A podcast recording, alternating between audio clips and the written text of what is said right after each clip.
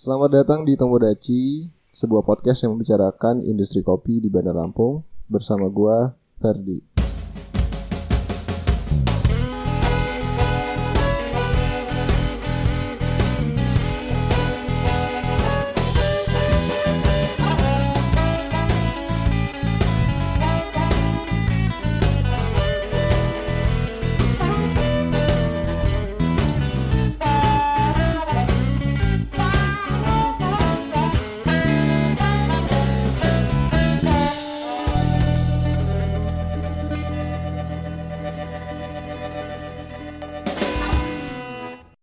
Kabar semuanya?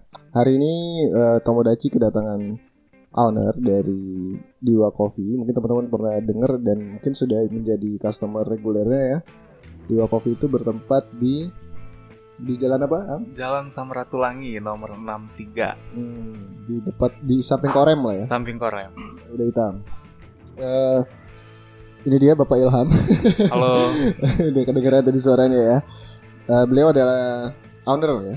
Owner. owner dari coffee shop Diwa Coffee.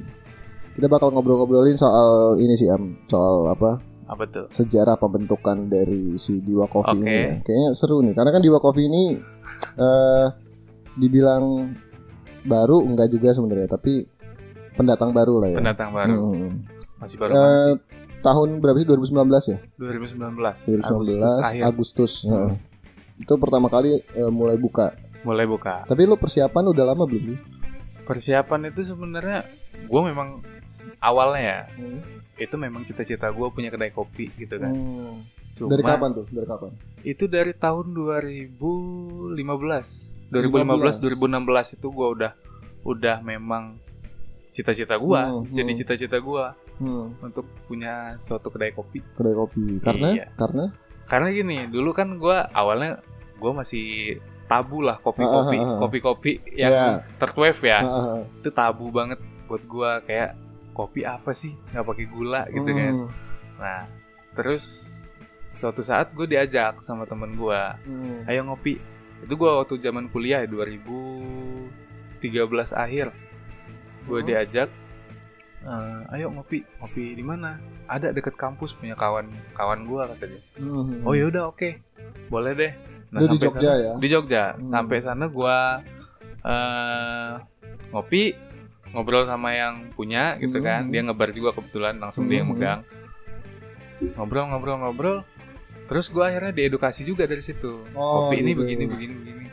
Iya iya. iya. Kayak gua ngeliat eh, banyak biji kopi gitu ada lima jenis ya. Hmm. Pikir gua sama aja apa sih bedanya gitu. Hmm.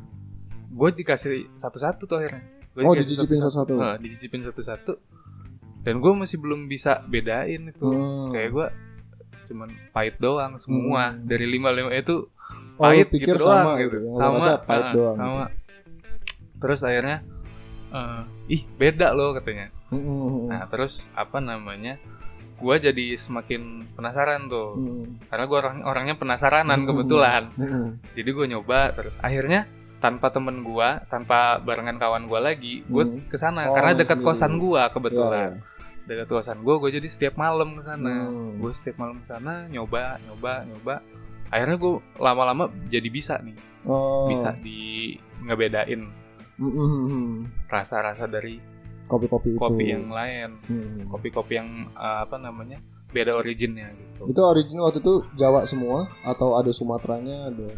Sumatera itu ada Hmm. Eh, Sumatera Jawa yang banyak sih Jawa Hmm. dari Jawa Barat sampai Jawa Timur ya Hmm.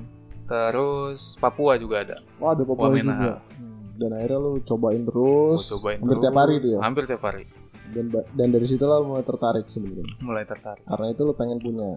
Tapi lo belajar.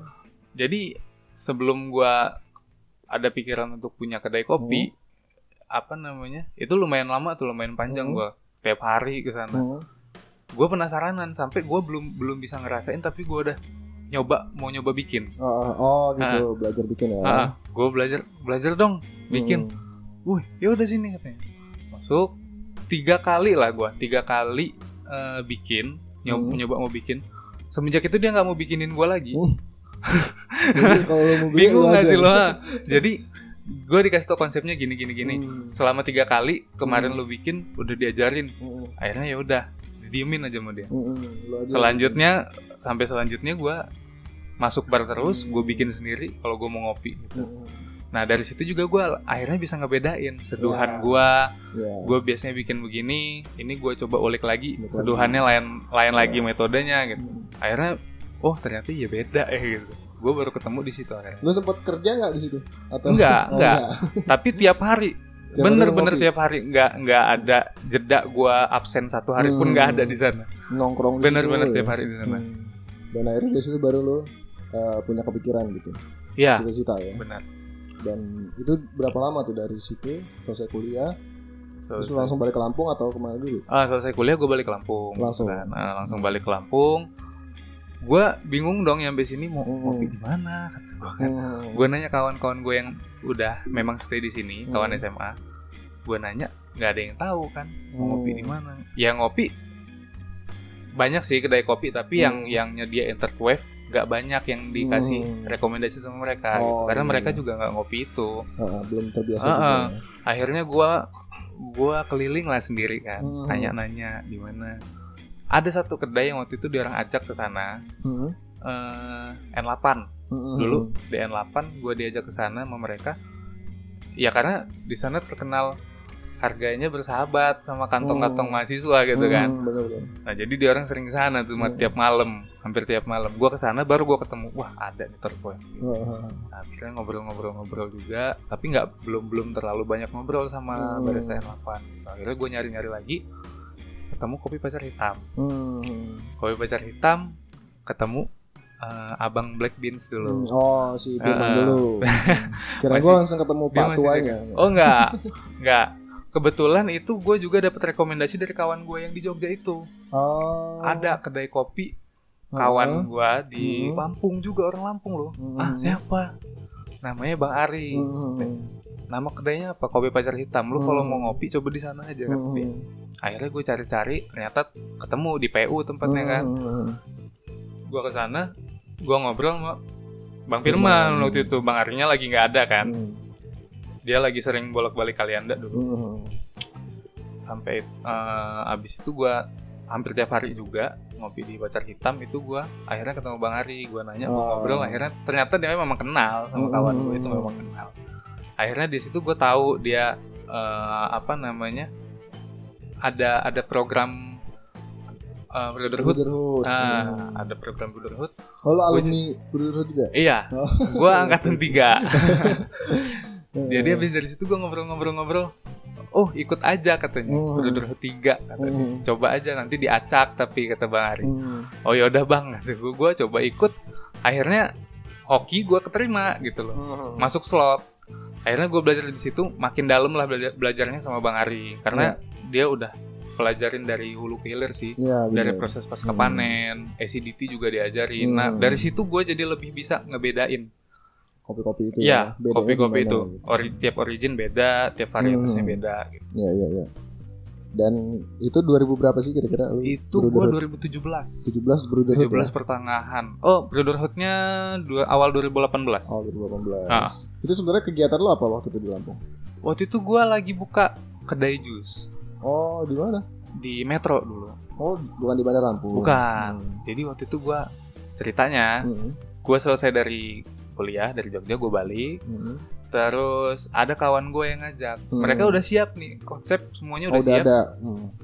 Terus kurang satu orang Hmm. joinan kan ada empat Tinggal orang. eksekusi aja sebenarnya. tinggal eksekusi gue diajak. Oh yaudah oke lah kata gue. Hmm. Gue lihat modalnya juga nggak terlalu besar. Iya. Gue bisa belajar dulu di sini. Hmm. akhirnya kita buka ya setahun cabut gitu kan alhamdulillahnya nggak nggak jalan Yang di Metro itu ya. yang di metro Berapa Setelah itu- gerai emang? satu Oh, cuma satu. yang di metro itu Hmm. ya kebetulan franchise juga sih di Bandar Lampung ada Hmm. terus kita orang franchise kita orang jalanin ternyata nggak jalan di metro Hmm. ya memang memang itu tadi itu udah udah cita-cita ya kedai Iya. kopi itu udah jadi cita-cita saat Hmm. itu cuman gue belajar dulu deh gimana sih berniaga ini gitu kan Hmm. Oh iya, itu jadi Iya. basicnya lah istilahnya ya. gue cari pengalaman dulu udah dapat pengalaman eh, kedai kopi eh kedai kopi kedai jusnya udah beres Hmm. gue sempet ada jeda waktu sekitar setahunan lah ya Hmm. sampai gue akhirnya mencanangkan untuk buka kedai kopi Hmm. Eh, awalnya sih gue eh, pingin di itu aja apa namanya di pinggir jalanan dulu lah Hmm. buka yang kecil gitu Tendaan kan Mis- gitu. tendaan Hmm. misbar aja gitu kan Hmm. cuman dilalahnya ada kesempatan Hmm. ternyata rumah kakek gue itu nggak kepake Hmm. dan gue diizinkan untuk pakai itu jadi Boleh kedai di situ, ya nah ya gue semakin semangat dong Hmm. akhirnya gue kumpulin modal yang gue punya Ya. udah gue tumpahin di situ Hmm. gue tumpahin di situ jadi diwa Hmm. Yang bikin gue penasaran apa artinya diwa itu semua? diwa itu bahasa Tagalog kalau awalnya gue ngambil nama diwa itu sebenarnya bukan karena eh, bukan karena maknanya Hmm. awalnya gue nyari-nyari nama nih apa sih yang kira-kira gampang diinget Iya. gitu kan terus gue lah liat gitu. iya simpel gampang diinget gue liat diwa Wah, oke juga nih Hmm. masuklah nominasi dari beberapa nama yang Hmm. udah gue kumpulin Hmm. terus gue cari lagi maknanya baru Hmm. dari dari list Oh, yang udah gue siapin Hmm. ya ternyata diwa ini bahasa Tagalog Hmm. gue gue nyari tahu diwa ini bahasa Tagalog dan artinya dalam bahasa Inggris spirit soul and sense Hmm. gue cari lagi penafsirannya maknanya apa ternyata maknanya itu adalah eh, langkah sebuah langkah untuk mencapai masa depan Hmm. mencapai kesuksesan di masa Hmm. depan namun tetap harus selalu merasa rendah Oh gitu. Nah, Oke, itu. gue langsung wah oke juga nih maknanya Hmm. ya maksudnya sesuai dengan visi gue juga Yang lo mau. yang gue mau Dan Akhirnya, simpel pula simple pula namanya akhirnya gue putusin untuk ngambil nama itu Hmm. gitu Dan itu menjadi memang menjadi soul ya Diwa gitu Ya. dari namanya sendiri ya. Iya. Dan Diwa ini sebenarnya eh, kalau boleh tahu arahnya ke mana sih orientasinya Diwa ini sebenarnya untuk di industri kopi sendiri? untuk di industri kopi sendiri lo menyajikan tuh ada espresso base, terus Ya. ada filter juga. Ya. Terus gimana tuh pandangan bisnisnya? sebenarnya gini gue kalau kalau idealis gue ya Mhm. idealis gue itu gue pingin third wave itu berkembang lagi Mhm. gitu kan makanya kenapa gue tetap ngadain uh, third wave Mhm. manual brew Mhm. itu sebenarnya fokus gue Mhm. tapi uh, kenyataannya Mhm. kita juga nggak bisa nggak bisa dengan idealis doang Mhm. kita juga harus punya realistis lah punya Iya. pemikir pemikiran yang realistis Kondisi Lampung lo pertimbangkan ya, betul. seperti apa? Eh, kalau gua nggak ngadain kopi-kopi yang espresso base Mhm. ya espresso base taruh lah oke gua Oke. gua tetap gua ambil tetap gua pertahanin Mhm.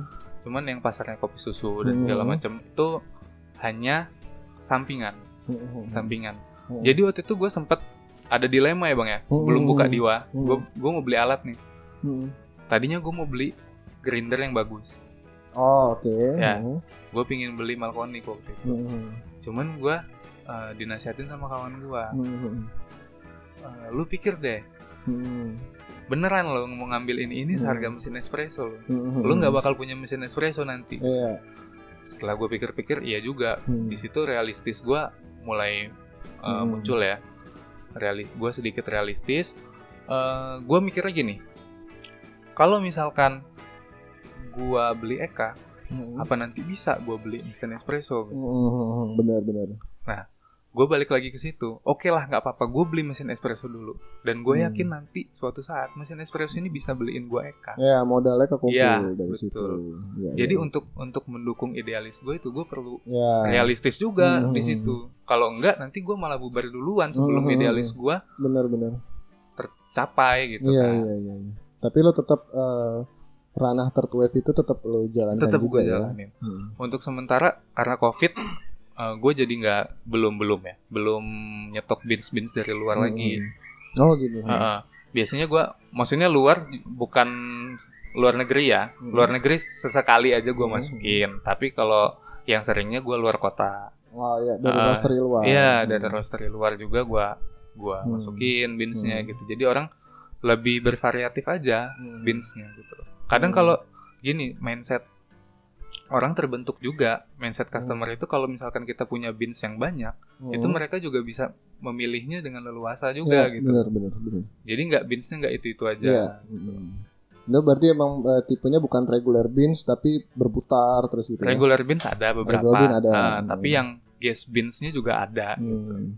Tapi selain luar kota lu membeli produk-produk lokal Bandar Lampung mungkin Bandar Lampung ya, ada juga ya, Ada lu juga. dukung juga ya, Iya. kayak nyala gitu-gitu. ya nyala. Hmm. Ah, yang reguler itu malah banyak kan dari Lampung. Oh, Yang gas beansnya Iya, baru iya. gua beli dari luar.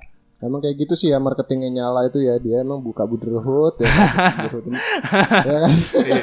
Terus Bang, bang, lihat supply nih, Bang. supply dari dia. Iya iya iya. udah kebaca, udah kebaca Bang Ari. Tapi tapi eh, apa namanya kelas Brotherhood sosok Bang Ari itu emang berperan banget sih ya. Iya, berperan banget. jiwa ya. Sampai Eh, lu Gua ngerasanya justru nggak cuman ke gua tapi ke banyak orang juga. ya ya benar. Tapi khusus untuk gua pribadi gua, Hmm. ya beliau sangat berjasa gitu Hmm. loh. Dari di Diwa pun dia sangat berjasa gitu. Hmm. Ya dari gua belajar Ya. gitu kan. Terus gue juga nanya-nanya masalah perkedaian sama dia gitu Iya. kan. Untuk menjalankan sebuah kedai itu gimana? Apa kiat-kiatnya, apa tipsnya? Itu gue juga sering suka sharing sama dia. Dan ini juga eh, kalau nggak salah tuh ada barista lu juga kan yang dia belajar juga ya di nyala juga ya. Iya, belajar barista juga di ya. Siapa Nah itu juga uh, salah satu proyeksi gue ke depan, Mm-mm. yaitu sumber daya manusia gue juga harus di Mm-mm. Kembangkan. Bener-bener. Iya iya. Gitu. Kalau kita mau main di third wave memang nggak cuman produk ya, betul tapi eh, si penyajinya juga Iya. itu harus harus kompeten harus lah kompeten. di bidangnya. Salah satunya itu si yang ikonik banget itu ya. iya ikonik banget. Nggak ada yang nggak tahu nih di dunia perkopian iya. sekarang. lagi Dia terkenal kan- banget nih. Dia kan penyanyi juga ya solo ya kalau si Ardito ya. kan? Ardito Pramono. Iya iya. Lu memperhatikan juga di detail itu ya. Iya pasti. Hmm. Dan apa? Ada berapa sih baristanya di Diwa? Sekarang ada tiga. Tiga barista. Baristanya ya? tiga. Eh, dan semua itu sampai detik ini memang masih lu terus eh, apa namanya kemampuan mereka terus lu kembangkan gitu. Terus ya. gua Jadi kembangkan. nggak cuma ditinggal gitu aja. Iya. kan? Hmm. Ya gue gue bukan yang ngajarin, tapi Mm-mm. gue lebih suka untuk sharing. Mm-mm. Jadi ada juga mungkin mereka punya il- sesuatu ilmu yang gue juga belum tahu gitu. Hmm. Akhirnya kan kita jadi sama-sama Iya, tahu. Bener, sama-sama belajar Iya, ya. sama-sama belajar. Nah, nanti Hmm. ke depannya juga gue bakal mungkin ngirim mereka untuk belajar di luar gitu, supaya Nah, mereka lebih itu. lebih berkembang lagi. Gitu. Lo ada ada rencana ke sana? Ada gitu? rencana. ada Kalau rencana. ikutin lomba gitu-gitu? ikutin lomba belum. Belum ya? Eh, gua gua fokus gue untuk mereka supaya eh, ilmunya berkembang aja dulu. Oh, oke oke. Tapi Hmm. kalau mereka mau coba-coba untuk kompetisi, Hmm. gua siap untuk fasilitasi Support. itu gitu. Gue Hmm. siap untuk support. Kalau lu nya sendiri, kan biasanya tuh kalau di luar itu eh, ownernya biasanya yang turun duluan. gitu. Iya, tapi itu nanti. Yang gue bilang tadi nanti. Kenapa? Karena gua eh, mereka harus berkembang dulu yang Hmm. penting ilmunya sudah dapat, baru mereka Hmm. coba untuk cari pengalaman di kompetisi. Hmm. Jadi eh, kayaknya bagusnya juga mereka berkultur dulu ya, maksudnya kulturnya juga mereka ini dulu di Lampung kayak apa sih Iya. si kopi ini? gitu Iya, kan. Banyak-banyak untuk berkomunikasi, interaksi dengan teman-teman di industri kopi ya. Iya. Tapi memang kalau gue lihat itu semua dibilang pemula-pemula ya di Diwa itu ya, masih Di Diwa pemula, Pemula, dibilang pemula ya, ya rata-rata pemula. pemula ya Termasuk gue pun ya. pemula juga. ang- angkatannya Brotherhood mah. Ya Bang Ari ya. Tapi emang lu memang eh, dari awal nggak ada ke- keputusan untuk gue pengen ambil yang pro gitu satu gitu enggak ya Belum. Belum ya memang lu pengennya Karena karena gini Diwa ini kan masih merangkak ya. Mm-mm. Bayi yang baru lahir ibaratnya kan. Mm. Ya sambil Diwa ini berjalan maju, bergerak maju, mereka juga bergerak maju. Jadi kita Oh. sama-sama dari nol gitu. Kalau misalkan gua gua ngambil barista yang sudah profesional bisa aja. Tapi Hmm. ya itu tadi Diwa juga belum bisa menjanjikan untuk eh, menggaji mereka sesuai dengan Hmm. profesionalisme mereka. Gitu. Mm. Itu yang gua pikirkan. Hmm. Dan apakah sebenarnya Diwa ini kalau gue lihat kan tempatnya luas gitu ya, tempatnya eh, apa ya ikonik banget sih beda gitu tempatnya Ya ya. ada ada tempat di belakang itu kan yang yang luas gitu ya dan pernah dijadikan juga lokasi apa lomba ya Lomba pernah. sempat, sempat komunitas juga ya.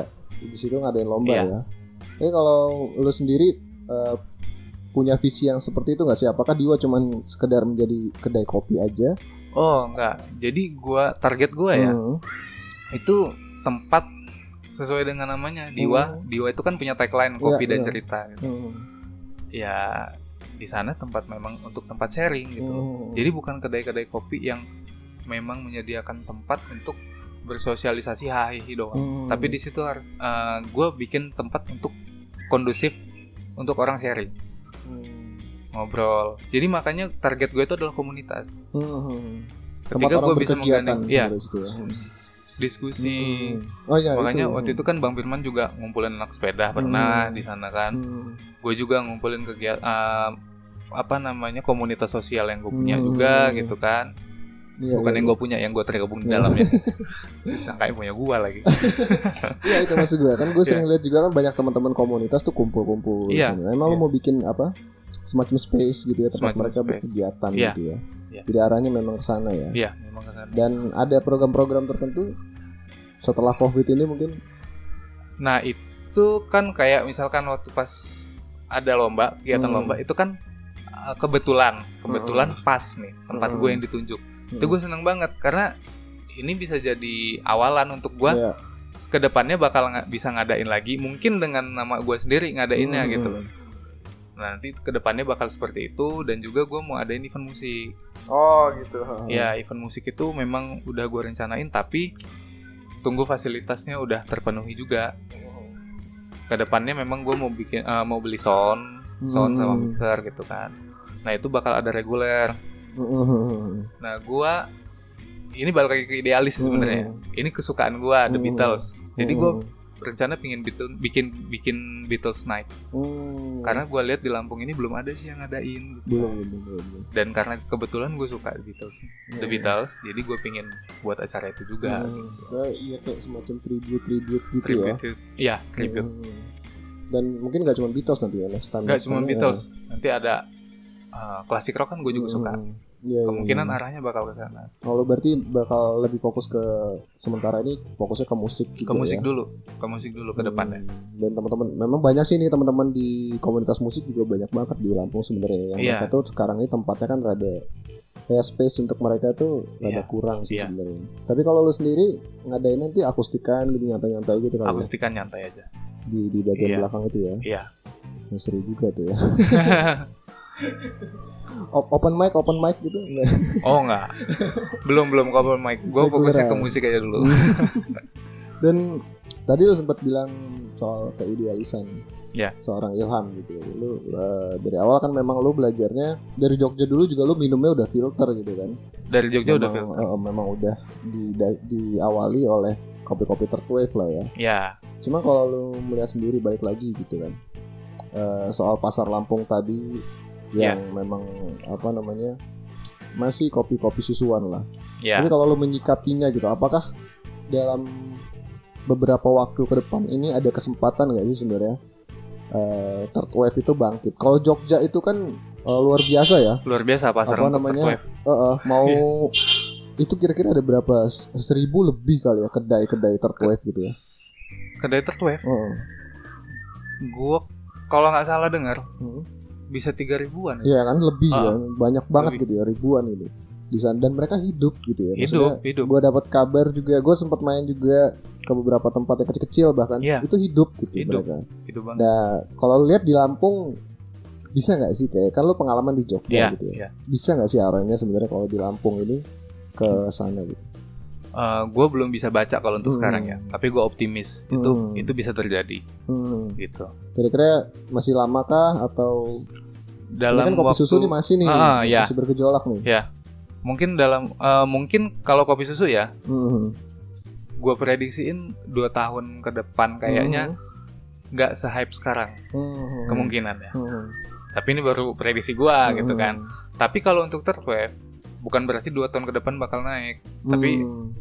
mungkin lima tahun ke atas kayaknya baru Hmm. bisa pelan-pelan Iya sih. eh, naik lagi gitu. Iya Karena sih. gini perbedaan pasar di Lampung sama di Jogja. Di Hmm. Jogja itu bisa dibilang Indonesia mini. Iya, iya. Jadi iya, di sana benar-benar. itu bener-bener orang dari Sabang sampai Merauke ada Hmm. semua di seluruh Indonesia ada semua di situ gitu kan. Iya. Kalau di Lampung Jakarta mini kalau Lampung. Jakarta mini ya. Iya iya iya. benar. Boleh boleh. Jadi masih jauh sebenarnya Iya. untuk untuk Masih jauh. Eh, maksud gua itu kan banyak orang dari dari berbagai daerah tuh di seluruh Indonesia. Mereka juga punya kopi-kopi yang mereka biasa minum di daerahnya gitu. Hmm. Jadi eh, bahkan kopi-kopi yang filter atau Hmm. yang tradisional tapi bikinnya ya, Hmm. kayak tubruk atau ada yang dimasak juga gitu. Hmm. Ya, itu banyak juga ditemuin di sana. Gua gua banyak tukar pikiran juga sih tentang kopi. Hmm. Jadi kayak banyak banget nih metodenya. Nggak nggak cuma metode yang filter yang kita Hmm. pelajarin sekarang gitu. dan karena saking apa pluralnya Iya, Jogja iya. itu ya jadi apa eh, pengetahuan ilmu Iya, itu betul. perputarannya Ya, kebiasaan ngopi mereka di berbagai iya daerah itu. banget Mm. Jadi mereka untuk ngopi filter tuh kayak nggak ada masalah. Mm. Lidahnya memang udah terbiasa untuk untuk minum kopi Hmm. seperti itu. iya sih bener sih dan kalau dari masyarakatnya sendiri sebenarnya kalau lihat Masyarakat Iya. asli Jogja ya. ya kan masyarakat Jogja Jogja itu kan kayaknya memang sudah terbiasa ya untuk datang ke kedai kopi dan berdiskusi gitu kan Iya. di, di kedai-kedai Iya. kopi gitu kalau di- Karena itu juga itu juga bawaan dari ya mahasiswa kan banyak yang dari Iya. luar juga. Mm. Ya mungkin itu eh, mereka udah sangat open mind. Gua ngeliat orang-orang asli Jogja itu ya, Mm, mereka sangat open mind dan mereka sangat welcome terhadap orang-orang luar. Gitu. mm, mm. Jadi budaya itu akhirnya terikut juga. Tapi budaya yang terikut itu dalam konotasi yang positif ya. Iya. karena kan kota pelajar juga sih jadi Kota banyak pelajar pelajar juga, dari iya. mana-mana gitu dan mereka ya diskusi lah ya. Tapi Diskusi. kalau di pasar kita nih di Lampung nih masyarakat Lampung di Diwa sendiri itu banyak kan yang jenisnya seperti apa sih kalau lo perhatikan selama ini Apanya tuh? jenis eh, apa customernya jenisnya gitu. Oh jenis customer Ah, ah, apakah yang sama kayak di Jogja atau di Diwa ya kebanyakan tuh Ah, ah, gimana? Kalau di Diwa sama yang gue temuin di Jogja itu beda, beda banget. Hmm, hmm. Bedanya di sini, customer customer gue yang ada di sana Hmm, ke Diwa atau ke kedai kopi lain Hmm. juga mungkin itu tujuannya untuk nongkrong ah. gitu. Tapi kalau di Jogja itu banyak kebanyakan justru untuk sharing, untuk diskusi. Hmm, hmm, hmm, Jadi Hmm. nggak udah nggak heran orang hmm. ke kedai kopi rame gitu kan. Hmm, hmm. Mereka bawa buku, Iya, iya, mereka benar-benar. ngebedah buku itu gitu Iya, kan. iya. iya. nanti eh, interpretasi mereka masing-masing kan Hmm, beda-beda tuh Iya. baru mereka diskusikan di situ oh gue setelah baca buku ini menurut gue begini baca hmm, buku hmm, ini hmm. begini. jadi di situ nongkrong juga nggak sekedar hura-hura doang gitu, sekedar ya. kosong doang Hmm. tapi Hidup mereka lah ya. hidup diskusinya Hmm. hidup banget Ya, itu sih. Banyak itu ilmu yang didapat juga gitu. di Lampung, Bandar Lampung, lo tidak melihat eh, customer lo sendiri yang seperti ada nggak? ada beberapa ada, beberapa, Yang tapi dari masih komunitas minoritas tadi ya? ya. Yang dari Di komunitas-komunitas komunitas ya. tertentu ya. Eh, tapi ya masih minoritas sih Ah, masih oke, kebanyakan yang begitu yang Hmm. nongkrong doang gitu. Main game mungkin gitu banyak. main orang. game juga banyak Iya. Iya. Lo juga main game? gue juga main game Dia? Nggak, tapi nggak nggak nggak selalu lah ya. Ada juga Gua itu pas covid covid kemarin gue main itu ya. Masuk tuh kayak warnet. kayak warnet. Karena kita orang asli gabut banget, Iya, orang iya. nggak ada yang datang juga gitu kan. Iya sih, ya. Kalau ada yang datang kayak kawan-kawan atau Hmm. kawan komunitas datang gitu kan, pasti gua Hmm. ngobrol juga gitu. Hmm. Ini Tapi lu, tapi eh, lu nggak berniat untuk ngajak teman-teman dari komunitas game mungkin di situ nggak? Nah, komunitas game belum sih kayaknya. Belum ya. Tapi Soalnya kan rame kan teman-teman lu yang main game online kan? rame, Hmm. rame. Tapi gua mereka mainnya sih Mobile Legend ya rata-rata. Hmm, mobile ya. Ah, mobile. Yang di handphone ya. Iya. Hmm. Game-game yang di mobile tapi gua nggak terlalu tertarik untuk di situ. gitu. Hmm, lu PC sih ya. mainnya. PC, gua mainnya Hmm. PC. Tapi eh, banyak gak sih teman-teman lu dari lingkungan game Hmm. yang kedua gitu? Enggak juga sih, karena gue ya, juga sedikit basicnya game itu bener-bener gue sendiri aja yang main lu di gitu. sini Jadi, lu sendiri ya. Ah, ah. jadi gue main, oh memang gamenya online, tapi Hmm. kan eh, orang-orangnya banyak dari luar Lampung Hmm. gitu, dan gue nggak kenal itu stranger, Hmm. bener-bener gue nggak kenal siapa gitu. Iya sih benar. sih. Jadi bener-bener in game aja komunikasinya. Gitu. Hmm. Kalau di Lampung ini kan ada beberapa kedai itu yang menyajikan, eh memfasilitasi gamer kayak eh, apa sih FIFA gitu-gitu Hmm, kan? ya, ada yang ya. main kayak gitu kan? Ada. Tapi kalau lu sendiri nggak, mungkin nggak ke situ. Kalau ke game belum, belum makanya ya. gue fokusnya ke musik dulu itu musik tadi. dulu aja ya. lebih asik dan lebih banyak diskusinya sebenarnya ntar ya. Tapi game juga banyak diskusinya. Banyak, banyak memang banyak. ya bakal bisa hidup juga Iya. sebenarnya. Tapi nggak- musik-musik yang gua sajikan nanti, gua nggak berharap banyak orang bakal nerima gitu ya. Hmm, Tapi hmm, hmm.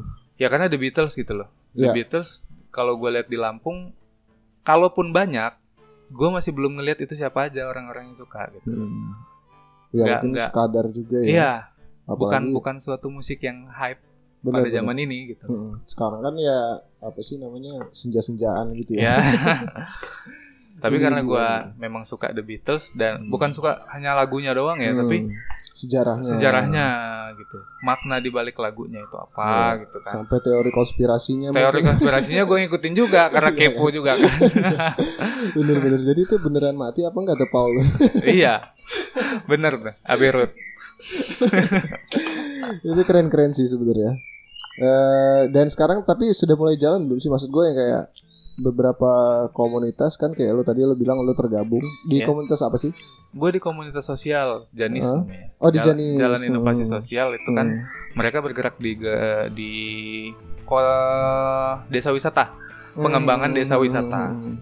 Jadi ya gue sebenarnya sambil jalan-jalan juga Hmm. gitu kan. Namanya desa, desa wisata yang mau kita kembangin sambil berwisata dong gitu kan. Hmm. Jadi kita Lo udah lama di Janis? Di Janis gue gabung 2018 akhir. Eh 2000 2018 awal. 2018 awal. Itu terbentuk kapan sih memang Janis? Janis udah lama, Lama banget ya. udah lama banget. Gua Oh. batch ketujuh, Oh lo batch ketujuh. Gua batch ketujuh. Ah ada regenerasi di situ. ada. Oh, oke oke. Dan Tapi lo- maksudnya namanya komunitas kan ya. Hmm, hmm, Artinya regenerasinya itu cuman di pengurus doang. hmm, Tapi secara keanggotaan hmm, hmm. dari B1 ke 7 sampai sampai sekarang ini masih tetap ya. aja tetap anggota. ya mereka. tetap anggota. Yang berganti itu hanya kepengurusannya aja. Ketua umum. Lo sempat ngurus. Gue sempat ngurus. Hmm. Sempat ngurus. Jadi ketua. Enggak. belum lah, belum. Kapasitas gue belum sampai sana. Kirain lo ketua juga. Ya, jadi lo aktif juga di Janis gitu ya. Iya. Maksudnya tapi tapi setelah Diwa terbangun, gue jadi jarang sana oh, tuh. mulai mengurangi Ah, mulai aktivitas. mulai kurang gue. Tapi gue penasaran sih. Gue juga ada beberapa kawan, mungkin lo kenal Jeffrey atau itu kawan-kawan gue juga sih di sana ya. Jepri. Dia bukan di Janis sih, tapi banyak kenal Oh. teman-teman di Janis. Hmm. Mungkin- Ah, Oh JJE nih JJE. JJE Mas dia, Jep. Iya. Ya. Sapa akrabnya Mas Jep. Ya, Iya gue Mas sering ngobrol juga. Nah, ya itu sih kawan gue sih. Gue malah tahu tahu Diwa tuh dari dia malah waktu itu ngajakin yang kayak, Oh "Iya, iya iya. main ke Diwa yuk gitu. Dia kan. malah dulu sering ke Diwa memang dia. Oh, oh, oh, bentar Jep, bentar Jep. dia nggak saya pas kerja terus sih Iya. repot itu. Ya, gue gue kadang penasaran sih sama komunitas-komunitas sosial seperti itu ya. Tadi kayak lu bilang desa wisata itu maksudnya gimana sih?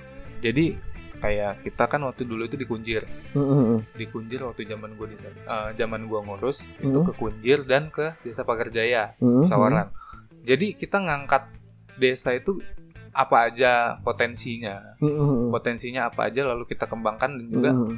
kita bantu untuk eh untuk marketingnya, bukan oh, marketing maksudnya gitu. ngasih tahu ke orang-orang ini ada nih desa wisata di sini, Hmm. Brand awareness-nya lah ya brand awareness-nya, gitu ya. iya.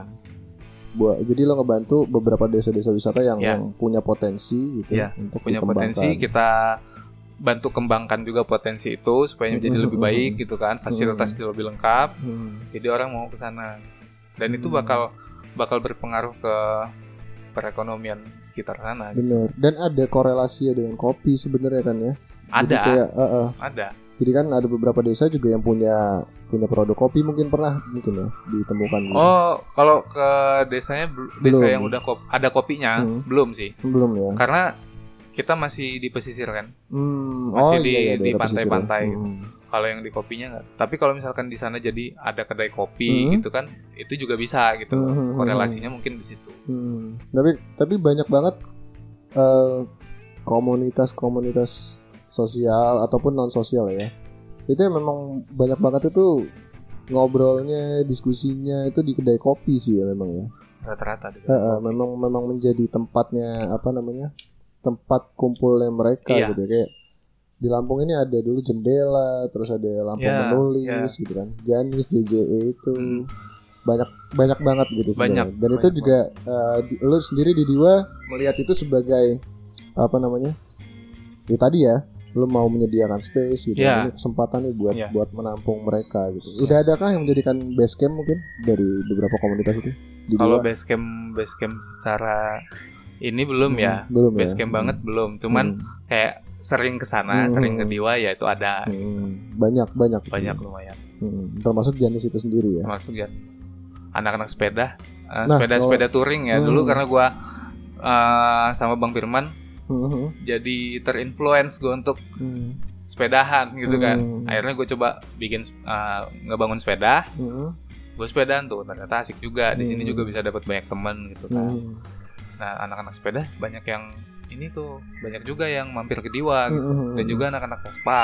Ya. Walaupun gua bukan eh, belum punya Vespa gitu kan, Hmm. tapi mereka ada kawan gua satu anak Vespa Hmm. dan dia ngundang temennya gitu. Hmm. Ayo ke Diwa aja tempat kawan gua gitu Hmm. dia kan. Akhirnya mereka pada ngumpul dan gua Hmm. enjoy ngobrol sama mereka Hmm. gitu. Jadi ya itu tujuan lu sebenarnya Iya. sih ya. Karena Banyak- asik aja menurut gua ketika gua di kedai ini nggak Hmm. nggak cuman mereka nggak cuman gua sediain kopi nih Iya, ngobrol lagi, tapi gua Hmm. ikut juga Iya. Nimbrung juga ikut nim, Hmm. ikut nimbrung ngobrol gimana bang ini gini dan kan. dan dan apa banyak banget bahasan di situ Banyak kan. banget bahasan itu yang lu situ. lihat kayak di Jogja dulu mungkin Ya, ya betul. jadi banyak budaya budaya Betul. masuk gitu kan yang Betul. dibawa gitu Ya, yang tadinya gua nggak paham sepeda Hmm. jadi paham, gua nggak paham Vespa, Vespa jadi jadi sedikit paham. paham, gitu Iya. kan. ya gue juga kemarin ke sana main ketemu tuh sama si Panji Iya, mau Ya kan Panji. ngobrol-ngobrol soal apa namanya Vespa juga gue cerita-cerita sama mereka padahal gue kan nggak punya Vespa sih tapi Iya. jadi dapat Dapat dan, ilmunya. dan mereka tuh jadi kenal kopi juga karena gue cerita Iya, ke mereka iya. soal kopi tuh gimana sih di Lampung gitu. Tembakau juga kan. jadi tahu juga nge- cara ngelinting ya kan. Iya ya, bener bener Jadi tembakau gitu ya Jadi kayak ngeracunin orang Ini ngomong-ngomong Ilham juga jadi ikut-ikutan tembakauan nih iya nih. Semenjak eh, karena Covid sih ya. Bener pertimbangan kita nilai ekonomis ya Iya, betul. Hmm. Sekarang jadi tembakau-tembakauan Tapi eh, setelah ini nih kan kita kemarin ketumbur Covid lah Banyak banget yang terdampak ya Iya. kemarin ya Banyak banget. Jadi kayak Wah ini yang merangkak jadi ngegusur gitu.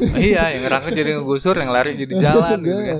Jadi eh, lu punya strategi-strategi nih ke depan nih Strategi Untuk- ke untuk depan bangkit lagi nih, untuk gitu. bangkit lagi ya. Hmm. Hmm, kalau strategi khusus sih gua nggak nggak ada ya, Hmm. bisa dibilang nggak ada gitu. Hmm. Cuman yang gue per eh, harus tetap gue jalanin itu Hmm. gimana caranya gue bertahan. Kayak Hmm, kemarin hmm, tuh, survive jam ya. masa-masa covid, eh, apalagi puasa kan. Harusnya Hmm. puasa ini kedai-kedai pada apa ya bahasanya ya. nyayur lah ya, Ah, basah bahasa ini lahan basah lahan basah nih Hmm. gitu kan. Tapi ternyata ada covid dan itu Iya. nggak jadi semuanya kan. Banyak yang tutup juga. Tapi Iya. gua tetap bertahan, gue buka-buka sendiri gitu kan. Hmm. Gue sempet merumahkan karyawan memang, Hmm. Merumahkan barista gua. Hmm. gue bilang kita lihat selama sebulan Hmm. ya dan alhamdulillahnya gue sebulan itu bulan April ya bulan Hmm, April bulan Mei itu mereka udah gue panggil lagi nih di Mei gue dia dipanggil lagi. gue panggil kita ju- awal Juni buka Hmm. jadi kan abis pasca lebaran tuh Iya. ternyata kondisi udah mulai kondusif Hmm. selama dengan protokol-protokol kesehatan yang sudah ditentukan oleh pemerintah Iya, gitu kan. benar. kita harus menyediakan tempat cuci tangan, Hmm. sanitizer dan sebagainya. Meja juga nggak boleh terlalu rapat Iya. gitu kan. Akhirnya kita bisa buka lagi. Hmm. Kalau misalkan di bulan April itu gua nggak bertahan, Hmm. mungkin customer Diwa ini juga nggak akan ngebludak kayak sekarang. Iya, benar. Gitu. Hmm. Kalau lo nggak nggak tetap mempertahankan Iya. brand lu lah ya. Gue tadinya bener-bener mau tutup dulu bang, Hmm. sampai kondisi mulai uh, kondusif ya. Iya, iya. Tapi gue pertimbangkan lagi, gue harus bertahan dengan kondisi yang kayak Hmm. gini. Gimana caranya? Ya mau Hmm. gue sendiri yang jaga juga nggak apa-apa. Lu sempat sendiri ya? Sempat sendiri gue yang jaga. ya untungnya ada Widi juga kan. Ada Widi Ardito. yang homeless itu ya. Karena dia untungnya dia homeless ya. ada Widi yang Eh, kalau dia nggak jaga nyala, eh, dia itu tetap di diwa, dia bantuin dia gitu kan. ya. Nah, Hmm. akhirnya Iya. gue bisa bertahan sih selama kurang lebih dua bulan. Hmm. Akhirnya sekarang udah bisa buka lagi. Dan sekarang kondisinya udah mulai Udah Eh, mulai, udah bagus mulai lah ya. semakin bagus, naik, semakin bagus. naik lagi naik Ya, lagi gitu. Memang ya. di awal Juni itu awal gue buka, awal gue Hmm. buka lagi. Memang kayak eh bisa dibilang 50 sampai 40 sampai 50 persennya diwa yang dulu Hmm, hmm, customer yang datang ya. hmm. Minggu pertama ya. Iya. Minggu pertama, minggu kedua naik, minggu ketiga. Hmm. Eh, sekarang ini di akhir bulan ya, Hmm. udah mulai hampir 100% nih. Hampir sama. Hampir sama. Udah di angka 80 persenan sekarang. Hmm. Nah tapi gue penasaran, apa sih yang lo lakukan saat di bulan April itu sebenarnya beberapa strategi lo dulu tuh apa aja sih? Strategi gua eh, kita memang nggak bisa jual third wave ya kalau Hmm, di saat dalam itu kondisi ya seperti susah. itu ya. Hmm. karena third wave itu nggak bisa di take away. Take away, perubahan rasanya signifikan. Hmm. Walaupun ada aja kawan Ada. gua beberapa yang pengen ini gue take away gue. Hmm. Oh mungkin Ad- dibikin dingin mungkin sama mereka dikasih es batu mungkin gitu. ya. Enggak sih dia dia take away langsung diminum gitu. Oh, Jadi seenggaknya masih anget. Akhirnya Hmm. gua gua press aja, gua press di cup, Hmm. gua kas, eh, press plastik. Hmm. Jadi kan uapnya masih di dalam tuh. Hmm. Gua bolongin dikit aja. Hmm. Masih masih enak kata dia. Hmm. di rumah. Jadi repeat terus tuh. ada satu dua orang ada lah gitu kan.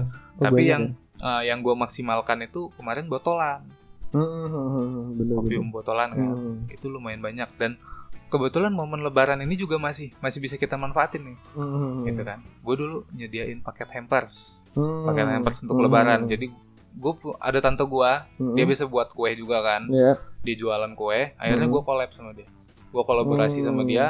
Gimana kalau bikin paket hampers yang isinya kopi gue sama kue dia Kue. ya. dan ya Kuenya kue ternyata- kering. kue kering, kue Hmm. kering. Ternyata laku gitu loh. Hmm. Gue yang tadinya eh, cuman iseng-iseng aja ya. Maksudnya Hmm. coba-coba aja lah, Hmm. nggak apa-apa. Laku sedikit, alhamdulillah, Hmm. gitu kan. Ternyata habis juga Malah- gitu. hmm, malah banyak ya. Ah, ah. Antusias ya. Iya, Hmm. gua gua pesan uh, pack- package itu serat- 100 ya 100 package Ya. tapi gua laku setengahnya aja udah nggak apa-apa lah kata gua Hmm. tapi ternyata habis gitu. Hmm. bahkan setelah habis itu ada aja yang mesen Ada lagi gitu lagi. Uh-uh. Iya, iya. nah itu alhamdulillahnya di situ itu yang Hmm. bantu gua Hmm. yang ngebantu gua akhirnya awal Juni gua bisa buka lagi Hmm. uangnya bisa gua puterin lagi Iya bener banget sih itu surat. Gitu. Ya itu penting banget kemarin dan Iya. sempat memang sempat ramai banget ya di apa namanya di nasional gitu yang yang bikin hampers iya bahkan mereka tuh sampai kayak biji kopi segala macam gitu nyala juga kan bikin ya nyala juga bikin iya iya kotak kebahagiaan Nah. iya bener-bener itu salah satu strategi yang menurut gua tuh cukup efektif sih sebenarnya di saat-saat seperti itu ya dan Iya. kopi yang dikemas botolan lu juga sempat Iya. ada yang 500 mili ya kalau ada salah. 500 mili sama 250 mili Hmm, dan itu juga laku keras saat itu itu laku keras laku keras juga ya laku keras jadi ya Gua iya tapi ya itu tadi gua butuh effort juga untuk ini Iya, ya bener. untuk untuk ng- ngelakuin Hmm, dagangannya hmm, hmm. sempet gua bikin promo juga gratis anter kota Bandar Hmm. Lampung semuanya. Selama Hmm. dia masih di Bandar Lampung gua anterin Hmm. nyampe depan pintu. Hmm, itu lu Iya. sendiri yang nganterin? Gue sendiri yang nganterin. Jadi gua buka eh, buka PO itu sampai jam 3 sore. Hmm, hmm, hmm, jam 4 sore gua eh, mulai keluar. Hmm, hmm, jadi gua keliling nganterin nganterin kan. Hmm. Iya sih, itu sempat dilakukan siapa ya? Gue pernah ketemu kawan gue dari Kopi Mi kalau nggak salah ya. Oh iya iya, si Putra dari Kopi Mi Hmm. dia, dia sibuk tuh.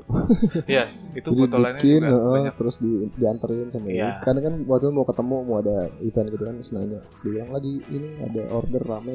Wah keren juga ini Covid loh, masa Iya. Covid gitu ya. Benar.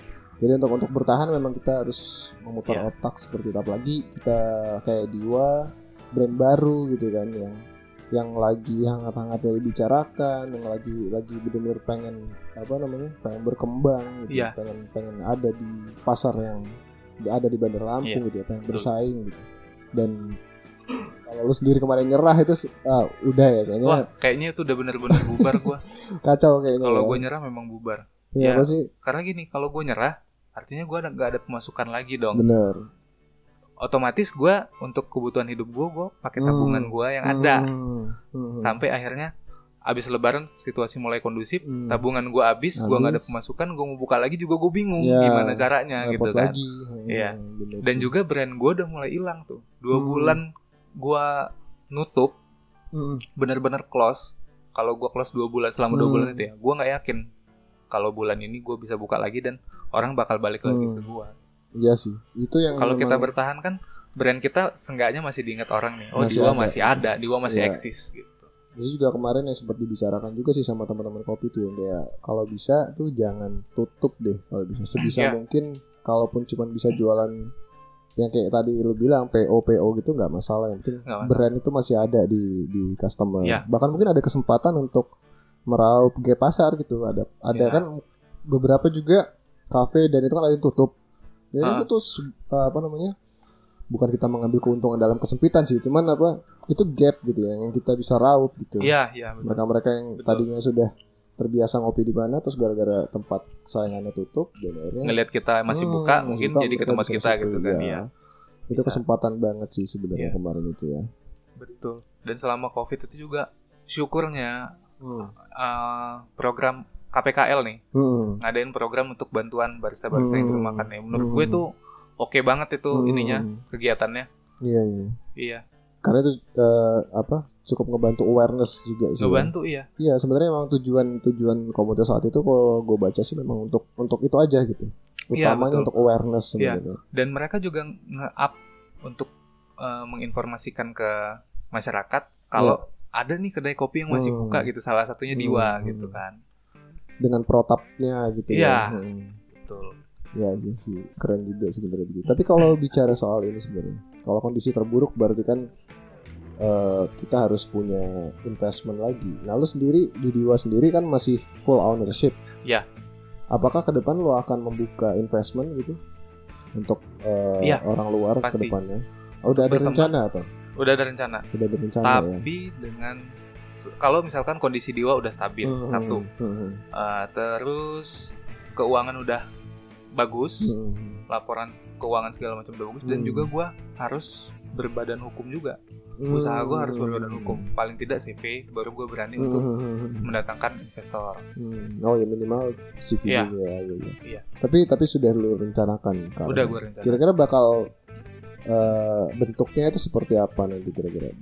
Lo mau cabang kah atau Cabang. franchise? Gue gue lebih ke lebih ke cabang ya. Hmm. Jadi gua kalau proyeksi Hmm. gua nggak nggak nggak terlalu pingin untuk Diwa itu yang tempatnya yang wah banget, Hmm. yang megah banget. Hmm. Kenapa tuh?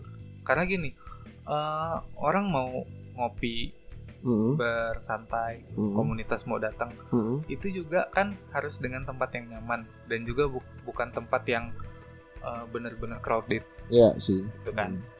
Nah, kalau misalkan gua jadiin gede sekalian, itu nanti eh, apa namanya wadah mereka tuh jadi berkurang gitu. Hmm. Jadi kayak eh, mungkin di pasar Lampung Hmm. belum ketemu kan yang untuk komunitas sharing. Iya iya iya benar. Kalau misalkan gua bikin tempat yang kayak gitu, nanti mereka untuk sharing itu akan terganggu Hmm. gitu kan. Jadi gua lebih prefer ke Diwa ini cabang aja. Hmm. Memang kalau untuk tempat yang sekarang bakal gue gedein, Iya. Hmm. tapi nggak nggak terlalu besar, nggak Hmm. terlalu megah gitu. Gue kalau udah ngerasa cukup, oke, Hmm. buat cabang baru lagi. Gitu. Lu Kita sesuaikan sebenarnya kondisi Diwa ini lu sesuaikan dengan segmennya ya dan Iya. target lu ya. Iya, betul. Tapi kalau dibuka cabang lagi akan sama kah segmentasinya atau segmentasinya kan sama. akan tetap sama Akan tetap Cuma mungkin yang di tempat Dan juga harganya juga gue nggak mau terlalu tinggi. Kan Hmm. kenapa? Karena kalau gue bikin tempat yang terlalu besar, harganya Iya, terlalu pasti tinggi, up. itu akan memberatkan juga mereka. Karena mereka-mereka yang komunitas ini Hmm. rata-rata mahasiswa, Iya, gitu kan. mereka belum belum punya penghasilan sendiri gitu Hmm. kan ya yang yang ramah dengan kantong mereka juga Hmm. gitu gue maunya Iya, iya. Tapi lu juga kan menyajikan makanan-makanan juga ya di Iya, ya. iya. Yang yang juga ramah juga ke mereka Iya. gitu kan, secara ekonomi ya. Iya. Cuman kalau misalkan cabang nanti eh, nggak bukan bukan akan berbeda gitu enggak ya tetap aja konsepnya. Tetap konsepnya sama segmentasinya sama. Dan mungkin mungkin yang di sana komunitas apa yang di sini komunitas apa Iya, gitu-gitu bisa. kali ya akan terbentuk Bisa. seperti Iya. itu kali ya. Entah Itu- entah nanti gue di sana khusus yang komunitas yang roda dua ya misalkan. misalkan. Gue sediakan tempat parkir atau Hmm. apa pun nanti yang yang menunjang. Benar-benar itu sih kalau maunya yang kalau yang di sini nih yang di Ratowangi itu lo tetap musikan itu ya bakal lo kembangkan musik kan ke depannya ya. Iya. Dan terakhir nih Ham, eh, Ya. kira-kira lo ada itu nggak sih pesan-pesan mungkin buat teman-teman yang kan ini banyak banget nih industri kopi yang baru-baru banget gitu Iya. di di lingkungan ini dan kita kan sama-sama berjuang sebenarnya Mm-mm.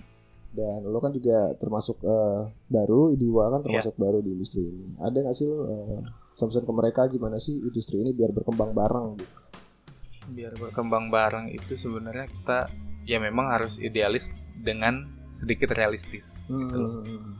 kayak waktu itu ada salah satu kedai baru juga Hmm. dia nanya sama gua Hmm. dia memang benar-benar pure pure apa namanya tertutup Oh gitu. pure kopi hitam nggak ada Oh. kopi putih sama sekali Haha. Nah, jadi kata gue nggak bisa juga kayak gitu Hmm. kalau memang lu mau hmm, mau ngembangin mau ngembangin idealisme lu Hmm. mau ngembangin third wave Hmm. kita nggak nggak bisa cuman dengan ngandalin third wave Hmm. harus dengan ngelihat pasar juga Hmm. pasar ini apa karena itu yang bakal menunjang kita nanti Benar. kalau memang kita nggak eh, nggak bener-bener nggak mau ngambil pasar itu Hmm. selesai Hmm. percuma kita kita pertahanin idealisme kita tapi Hmm. idealisme kita itu nggak akan terwujud Hmm. Itu sih sarannya harus pakai strategi ya harus pakai strategi Hmm. nggak bisa cuman idealis doang Ya, harus benar. kita harus sedikit realistis juga dong Hmm. mungkin itu Iya. sarannya dan Betul. juga eh, jangan jangan malu-malu jangan kapok untuk sharing Iya benar banget. Iya. Hmm. Eh, ya jalan-jalan lah ke kedai lain ke kedai Iya. gua ke kedai Eh. kawan-kawan gitu kan Benar. kita ngobrol bareng di situ Hmm. kita kita masalahnya apa kita selesaiin bareng kita diskusi aja di situ itu kalau yang gue rasakan agak berkurang sih ya di akhir-akhir ini ya. Jadi kayak banyak banget industri kopi yang eh, bukan industri maksudnya pelakunya muncul gitu ya. Tapi kulturnya itu nggak kayak dulu gitu. Kalau dulu tuh kita hampir semua kenal yang nah yang punya kedai kopi tuh hampir Iya. semua kenal gitu. gue sempet banyak ngobrol sama bang Firman juga Hmm. dulu di N8 itu sampai sampai subuh Hmm. gitu kan Hmm. kerjaannya nyeduh Heeh. wah seduhan lu gak enak sini coba Hmm. gua gitu kan ngulik ngulik ngulik gitu. ngulik gitu dan juga di situ ada yang dibahas gitu Iya, kan bener. sama-sama sharing lah Ya, nggak dan nggak cuman kopi saat itu banyak banget Iya, bahasan gitu. iya. dan gua wah sial nih gua nggak dapet kesempatan yang kayak gitu kata Kulturnya kan beda-beda, iya. Cuman ya itu sih, mungkin kita bisa kali ya ngebentuk itu kali ya. bisa bisa di ini lagi mengembalikan kembali Iya, hal seperti itu. Eh, dengan protap tentunya. ya ya Sekarang. Cuman apa? eh, ya itu ya, kalau yang gue rasakan banyak banget sekarang pelakunya, tapi kok kulturnya nggak jadi berkembang gitu. Mm-mm. malah kita gue sendiri sekarang banyak banget pernah ke sini nggak pernah ke sini ada orang nanya gitu ya Iya. pernah ke sini nggak pernah ke sini wah nggak pernah malah baru denger gitu Iya.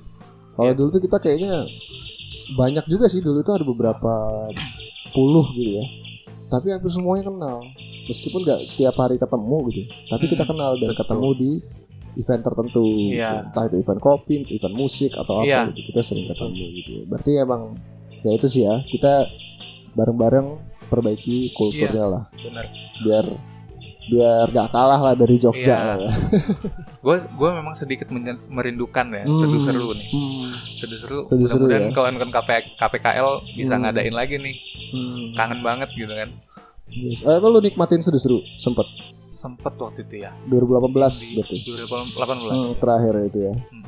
Iya iya sih. Taman Gajah. Ya teman gajah itu yang terakhir. Iya bener sih teman gajah yang terakhir. Sekarang udah gak ada lagi.